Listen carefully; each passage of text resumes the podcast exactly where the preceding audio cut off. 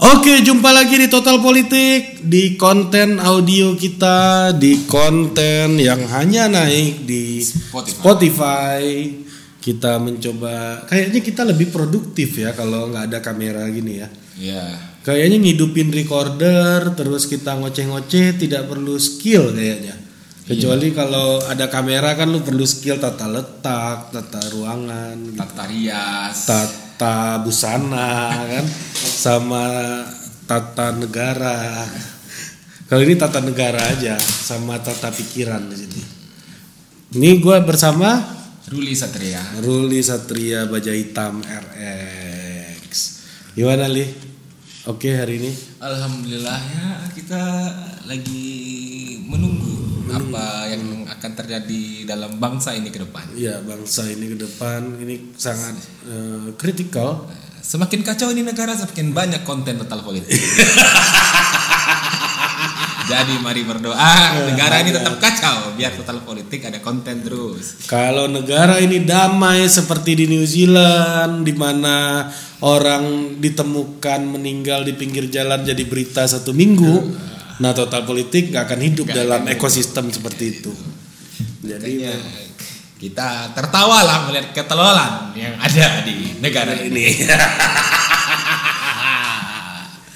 Jadi kita membahas apa nih, Bung Ari Putra? ya jadi ya ini ada isu reshuffle kan, tapi ya nggak usah lah kita bahas isu Karena reshuffle. itu isu elit elit dan hak prerogatif presiden. presiden. Yang orang-orang ribut di Twitter pengen inilah jadi menteri ya, tapi kalau Jokowi nggak setuju ya bisa apa? Iya.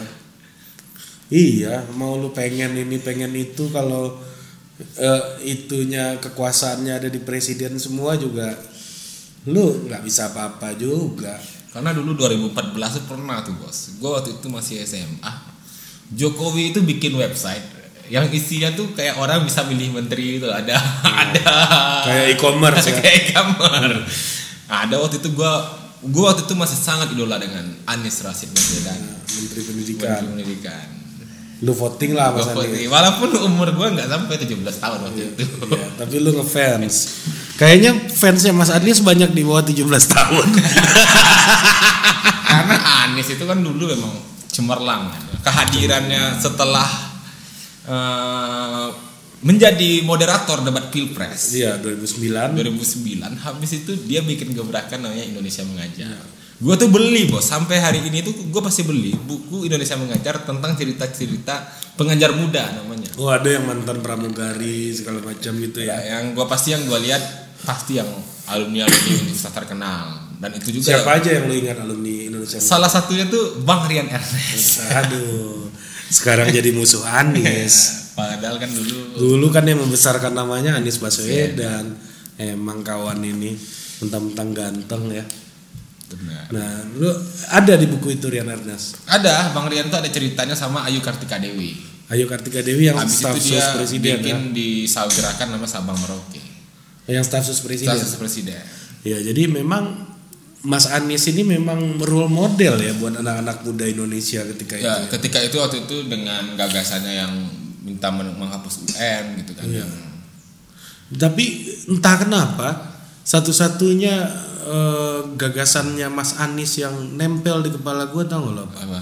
Skripsi yang bagus adalah skripsi yang selesai. Benar, benar. Iya. Jadi jadi itu jadi Ya mari bagi pejuang skripsi mari selesaikan biar skripsinya bagus. Iya, seperti kata eh, Bapak Anies Abud. Rashid, Bapak Anies Rashid Baswedan, ya kan? Kalau kata Us, pilgub Wan Abud. Jadi gitu, Li. Nah, gua itu kemarin itu gua nonton kontennya, lu tahu eh, youtuber namanya Eno Bening nggak? Gak tahu gua. Nah ini ada menarik nih Eno Bening ini eh, alumni filsafat UI. Kayaknya gue di kampus pernah ketemu dulu tapi nggak Kalau filsafat yang gue tahu tuh dari UI itu Martin Suryajaya. bukan Bukan- bukan, bukan UI, UI ya? STF STF. STF. Iya. Rocky Gerung lah, Rocky Gerung. Doni Gahral kan, sama ini Tommy Evahui kan.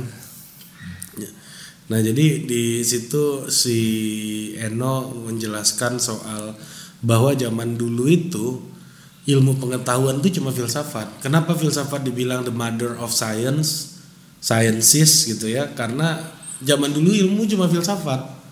Belum ada matematika, belum ada ilmu politik belum apalagi kan?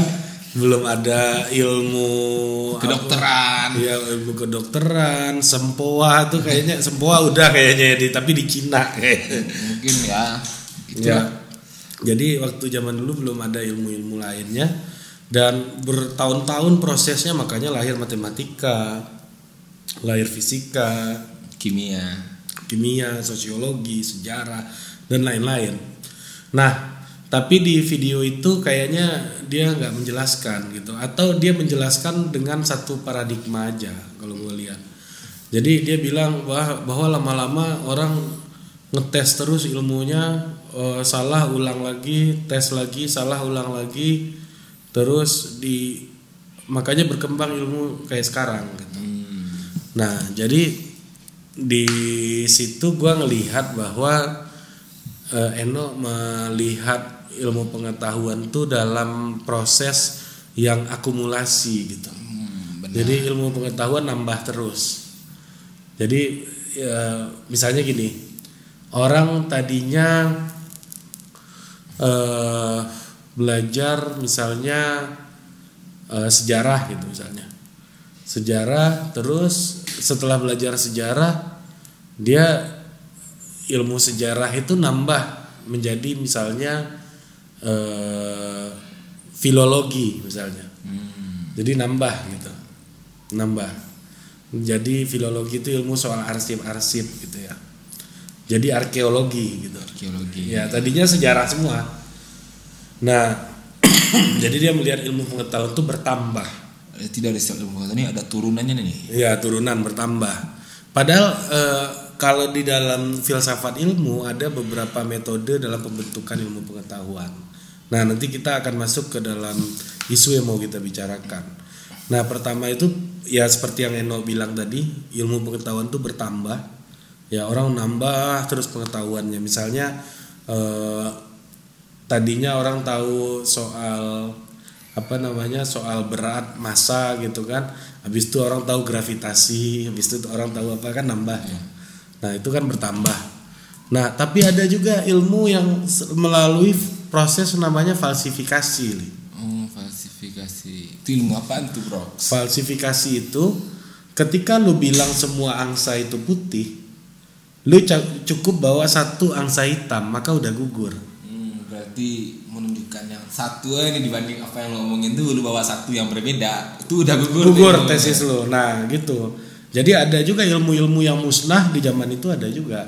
Jadi nggak serta merta ilmu pengetahuan tuh nambah terus juga enggak berarti ada yang kurang ada yang kurang. Ada yang hilang juga musnah gitu dengan satu tesis baru gitu. Misalnya eh, yang baru-baru misalnya ya eh, let's say kita bicara soal apa ya ilmu yang musnah sekarang ya. Misalnya eh, ilmu apa namanya eh, gambar peta gitu misalnya. Gambar peta misalnya. Nah ketika udah ada komputer dan lain-lain gitu ilmu gambar manual kan udah nggak terlalu perlu nggak gitu. terlalu relevan. Iya Tapi kan? ada menurut gue ilmu yang nggak nggak musnah sampai sekarang. Apa? teori Darwin yang menyatakan manusia itu. Itu yang yang tadi itu yang prosesnya evolutionary bertambah. Jadi ilmu itu bertambah terus seperti Eno bilang tadi gitu yang kita bahas di awal. Nah yang kedua itu ilmu itu eh, apa namanya eh, melalui proses falsifikasi lu cukup bawa satu yang beda yang lainnya gugur. Kenapa teori Darwin itu nggak ada falsifikasi?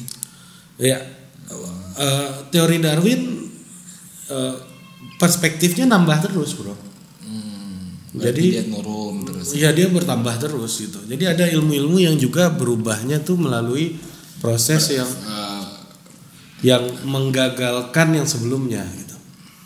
Kalau yang tadi itu dia berkembang terus ya kayak misalnya eh, apa namanya belajar jahit dulu sama belajar jahit sekarang kan teorinya udah Beda, beda, udah beda gitu kan. pasti. Ya kan lu tinggal bawa satu cara menjahit yang berbeda gitu kan.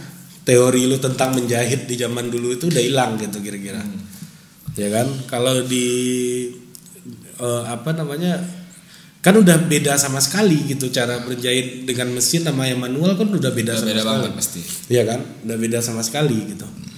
Nah, ya- jadi gitu. Yang tadi itu, yang satu lagi itu nambah terus, yang satu lagi itu ketika ada yang lu bawa yang baru, yang lama gugur. Nah, yang ketiga nih, yang ketiga ini disebutnya revolutionary. Hmm. Jadi ilmu itu lahir dari cara yang revolusioner gitu. Jadi dalam satu aspek tertentu gitu ya, orang orang mengajukan eh, apa namanya tesis baru di tengah tesis lama yang sudah diyakini oleh orang gitu. Ngerti nggak lo maksud gua? Misalnya gini, eh, misalnya itu eh, ilmu alam misalnya. Ini kan tesisnya ilmu alam nih Ya. ya kan Eh, apa namanya bahwa energi itu nggak bisa dimusnahkan air mengalir dari tempat yang tinggi ke tempat yang rendah. Itu kan aksioma aksioma alam. Terus eh, ya banyak lah ilmu-ilmu alam ya. Eh, apa namanya? Eh, teori-teori ilmu alam gitu. Tiba-tiba eh, muncul seorang filsuf gitu bernama Agus Kom gitu. Mengajukan oh enggak ada namanya social physics jadi masyarakat ini bisa lu kuantifisir gitu. Nah itulah revolusi ilmu pengetahuan tuh. Nah ketika dia mulai dengan proses yang revolusioner yang ilmu alamnya tetap jalan ya ilmu sosialnya muncul lagi nih. Sebuah ilmu baru. Kan ilmu kan nggak nambah nih. Maksudnya kalau akumulasi dia nggak nambah nih. Orang belajar fisika terus kan nggak nggak nam kalau orang makin banyak belajar fisika dia nggak akan meneliti masyarakat kan gitu. Iya kan? Begitupun dengan falsifikasi tadi. Lu bawa ilmu pengetahuan masyarakat nggak akan menggugurkan ilmu alam kan gitu. Benar. nah ini kan ilmu kaukus baru lagi gitu ya yang hadir lewat proses yang revolusioner gitu. Nah di sinilah yang mau gue omongin yang revolusioner ini. Jadi ilmu yang revolusioner itu lahir beriringan dengan dengan yang dia revolusi sebenarnya. Ini ini eh, apa namanya ketika zaman dulu orang percaya dengan gagasan-gagasan politik, aktivisme politik, ya kan? Tiba-tiba muncul pendekatan ilmu politik yang eh, kuantitatif gitu ya, yang mengukur perilaku. Nah itu revolusioner gitu. Jadi di situlah revolusionernya gitu. Nah yang mau gue omongin hari ini tuh soal politik aliran gitu bro. Oh, politik aliran. Ya, jadi politik aliran lahir dari proses yang revolusioner. Nah, lu lihat misalnya kayak PKI gitu misalnya. PKI kan pemikiran komunis, sosialis gitu. Ya. Lahirnya PKI dari mana? Ya dari mungkin tindakan-tindakan revolusioner. Enggak di Indonesia. Pertama tuh yang gue setahu gue tuh dibawa dari Tan nih. Malak Tan Malaka ya. Aja sebelum itu udah ada, Bro. Pasti, ya. Udah ada bekal-bekalnya. Jadi eh, aliran kiri di Indonesia itu dimulai sebenarnya aliran kiri inilah yang membuat bangsa-bangsa di seluruh dunia itu merdeka sebenarnya. Ya. ya kan? Nah termasuk di Indonesia. Indonesia kiri itu lahirnya dari mana? Dari ser- Serikat Islam, Hmm, ya kan? SI. Ya. dari Serikat Islam sebenarnya. Nah berkaitan dengan cara ini cara yang revolusioner gitu, ya kan? Serikat Islam eh, mereka eh, muncul SI merah, SI hijau, kan? kan? Jadi itu ketika SI merah muncul kan tidak tidak menutup SI hijau untuk tetap bekerja kan gitu, iya kan? Jadi ini prosesnya revolusioner menurut gua politik aliran di Indonesia. Jadi awalnya itu Bung Karno pun yang nasionalis lahirnya dari Serikat Islam bro, Ya. iya kan? Di di apa dididik oleh Hos Cokro Aminoto gitu. Nah jadi kalau lu mau bicara bahwa politik aliran di Indonesia itu akarnya semuanya kalau harus di secara aktivis aktivisme politik SI itu lahirnya dari Islam, Dari dari uh, dari gerakan politik Islam. Karena sebelum kenapa begitu? Karena sebelum apa namanya?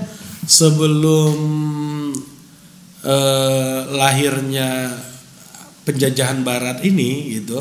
Hmm. Orang-orang Indonesia itu udah keliling Timur Tengah, Bro.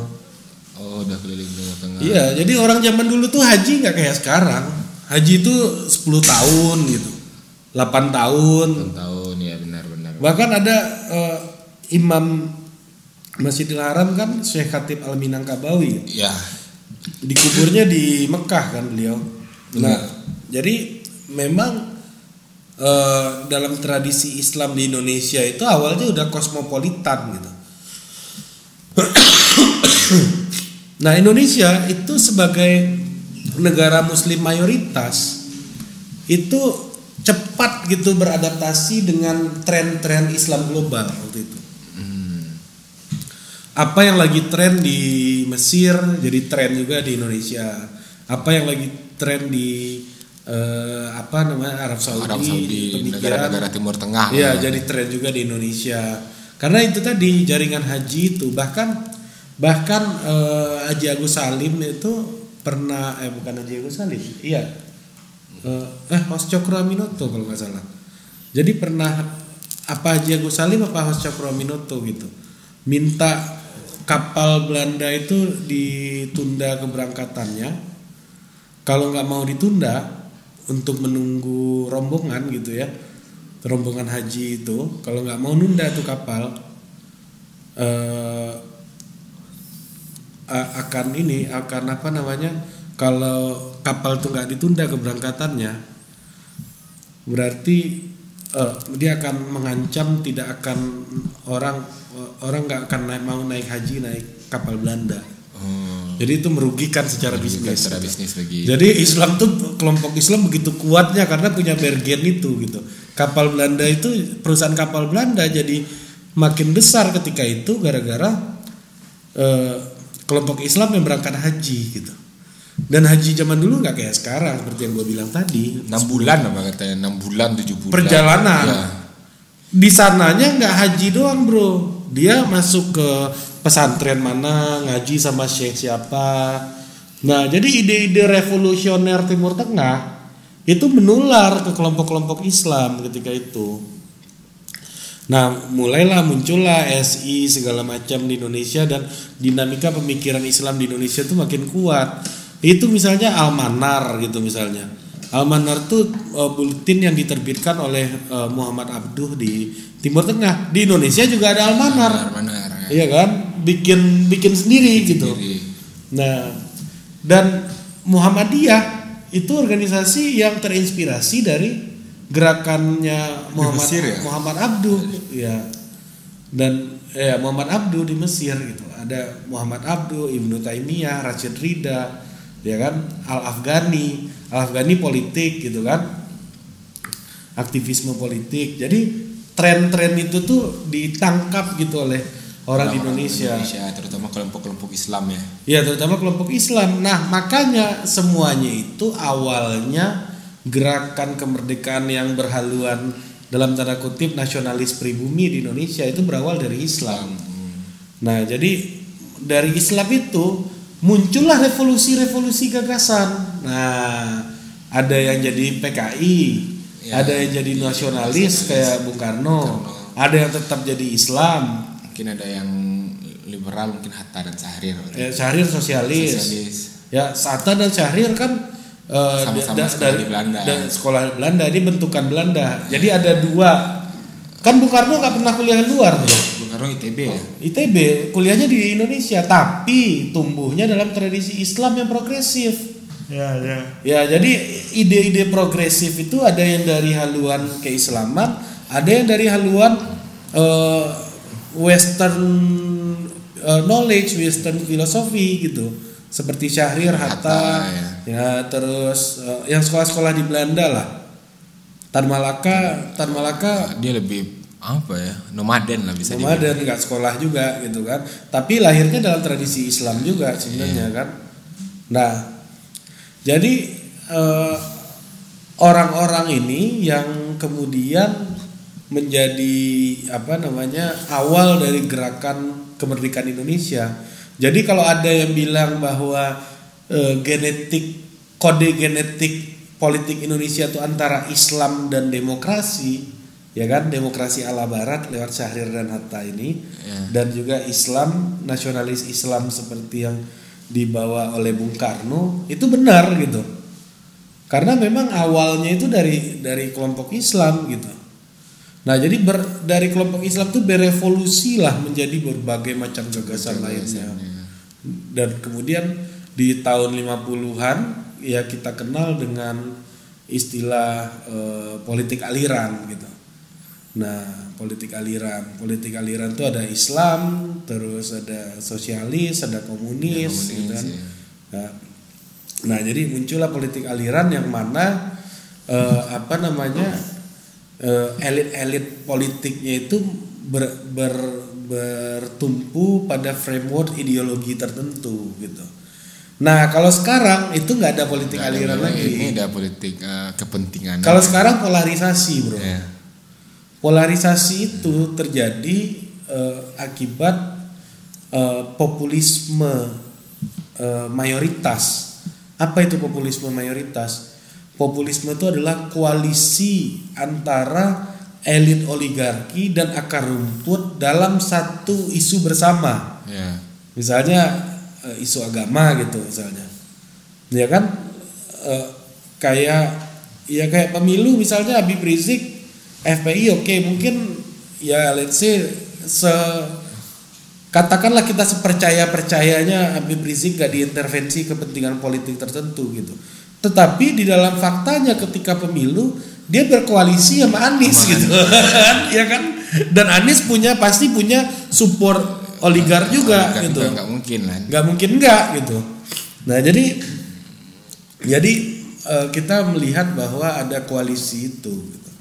nah berbeda. Kalau sekarang itu masyarakatnya lagi punya tren apa dan elit harus mengikuti tren itu untuk membuat sebuah isu bersama. Nah gitu loh. Ngerti gak lo maksud gua? Ngerti. Ya kan? Jadi karena masyarakatnya itu punya apa namanya punya punya punya keresahan bersama umat Islam terpinggirkan apa apa apa apa apa gitu kan. Dibacalah oleh elit ini yang ingin berkuasa kan. Ya kan dimainkan isu bersama ini dengan tokoh-tokohnya. Nah kemudian itu menjadi populisme dan kemudian itulah yang menjadi eh, akar dari politik yang terpolarisasi gitu. Nah, berbeda dengan eh, politik aliran. Politik aliran itu adalah intelektual-intelektual, pemikir-pemikir yang nulis di berbagai macam media, kemudian menyampaikan pikiran-pikirannya kepada publik gitu. Dan kemudian publik mendukung. Ini ada dua cara yang berbeda. Kalau zaman dulu intelektual itu jadi otoritatif. Wah, ini eh, apa namanya? Kita dukung Soviet apa Cina nih gitu misalnya Bu- buat orang orang sosialis ketika itu orang-orang eh, kiri waktu itu misalnya kita kiri kan Soviet sama China kan? China, iya. Iya kan? Ketika Soviet sama Cina warga apa pendukung sosialis akan nanya ke Bung kecil Sultan Syahrir Bung kita Soviet apa Cina oh kayaknya saya nggak suka sama Soviet nih. Karena apa? Soviet esensi dari sosialisme itu adalah anti penjajahan tapi Soviet menjajah negara-negara Negara kecil di, di sekitarnya di gitu. sekitarnya. nah jadi ini nggak sosialis nih gitu oh jadi pendukungnya juga mengerti logika itu nah makanya sekarang itu politik nggak ada argumentasi dan nggak ada logika lagi li menurut lu apakah ini karena kita kekurangan intelektual atau gimana menurut gue Enggak karena udah situasinya udah berbeda. Karena udah enggak era aliran lagi. Tapi ini adalah kemampuan karena sekarang itu demokrasi el- elektoral yang kompetitif kompetitif gitu kan. Jadi demokrasi kita demokrasi pemilu. Ketika mau pemilu, kandidat butuh cara-cara untuk cepat mendapatkan dukungan basis parpol, pendukung, iya. basis pendukung gitu kan. Nah, ketika dia ingin mendapatkan basis pendukung yang cepat, Jadi semua sentimen akan dimainkan gitu Hmm, ya. untuk mendapatkan basis pendukung. Kalau dulu kan enggak.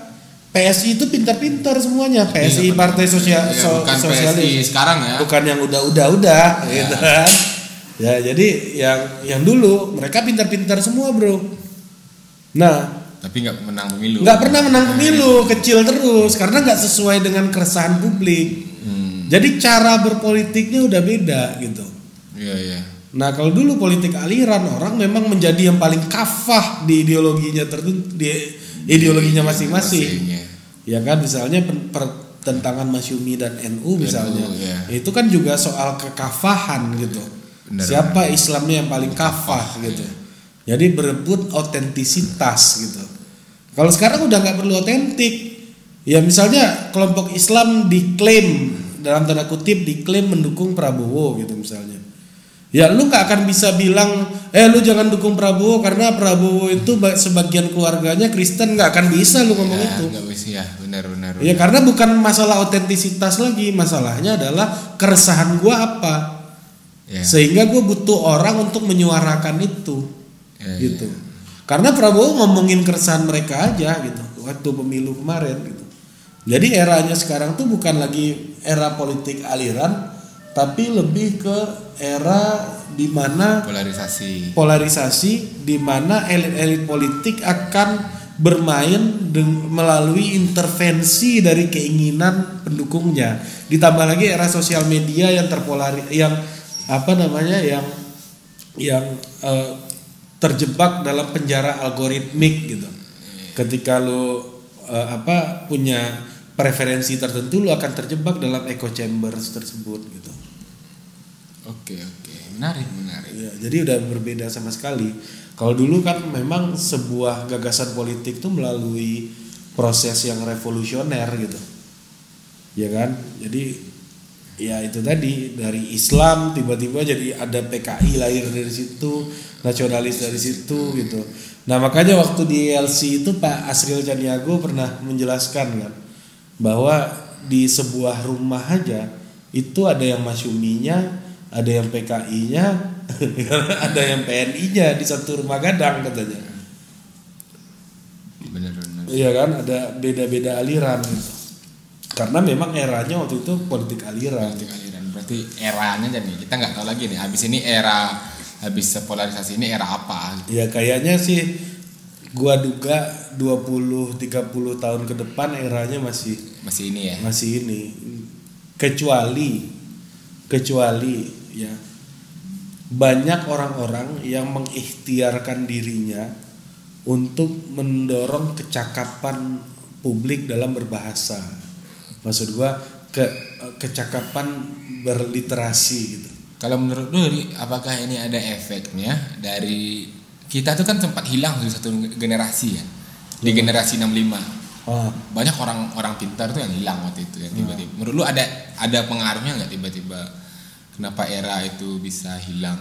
Eh, enggak sih, menurut gua sih enggak terlalu karena mereka hilang pun kan karena konsekuensi politik aliran kan. Ya. Ketika politik aliran ini berjalan dan setelah itu orde baru naik gitu kan, kan yang tidak aliran-aliran politik ini disederhanakan melalui program fusi partai politik dan lain-lain ada PKI yang di dibubarkan Dibubarkan, gitu kan dan intelektual-intelektual progresif kan memang banyak nggak hanya banyak di PKI tapi banyak di semua Li- semua di lini partai lah waktu partai karena eranya politik aliran gitu.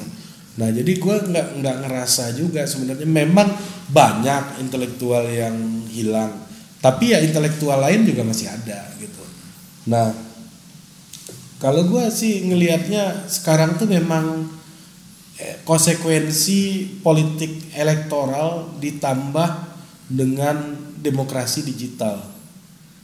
Jadi ada tiga faktor sebenarnya. Pertama itu demokrasi digital yang membuat kita terperangkap dalam echo chamber, ya, sehingga keresahan kita akan dipertemukan dengan keresahan orang-orang lain yang sama dengan kita. Problem kita akan dipertemukan gitu.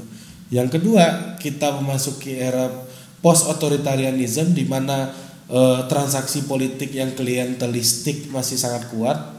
Jadi lu kalau lu partainya misalnya apa Golkar misalnya. kalau lu dapat dana reses yang lu kasih kan juga orang Golkar. Orang kan? Golkar. Iya kan kan kayak, kayak gitu. Itu kan tradisi politik yang klientelistik gitu misalnya. Nah, ini misal ya, jangan sampai orang Golkar komplain juga sama gua. Ya PDI juga gitu PDI, dan lain-lain. semua partai lah. Ya semua partai gak aja Golkar. Nah, sebenarnya kan nggak kayak begitu. Yang harus dipikirkan adalah eh, lu ketika di office lu harus merancang sebuah kebijakan nasional yang yang proper gitu, yang yang bisa memberikan manfaat untuk eh, orang-orang yang mayoritas orang yang membutuhkan kan gitu problemnya kan. Tapi ini nggak terjadi gitu di era eh, post otoritarian yang klientelistik gitu. Nah, Nah terus yang ketiga menurut gua adalah yang tadi eh, echo chamber digital, kedua itu eh, klientelistik. Nah yang ketiga ini adalah demokrasi eh, elektoral, di mana kita harus bertarung dalam pemilu, nasib lu ditentukan dalam pemilu. Kalau lu nggak nyampe 4%, itu artinya bukan hanya lu nggak punya kursi di DPR, tapi gagasan politik dan ideologi lu tidak akan di, diwakilkan di parlemen kan itu Ya. problemnya. Jadi mau nggak mau orang akan main isu yang yang yang cepat mendapatkan 4% dukungan ini. dukungan 4% gitu loh.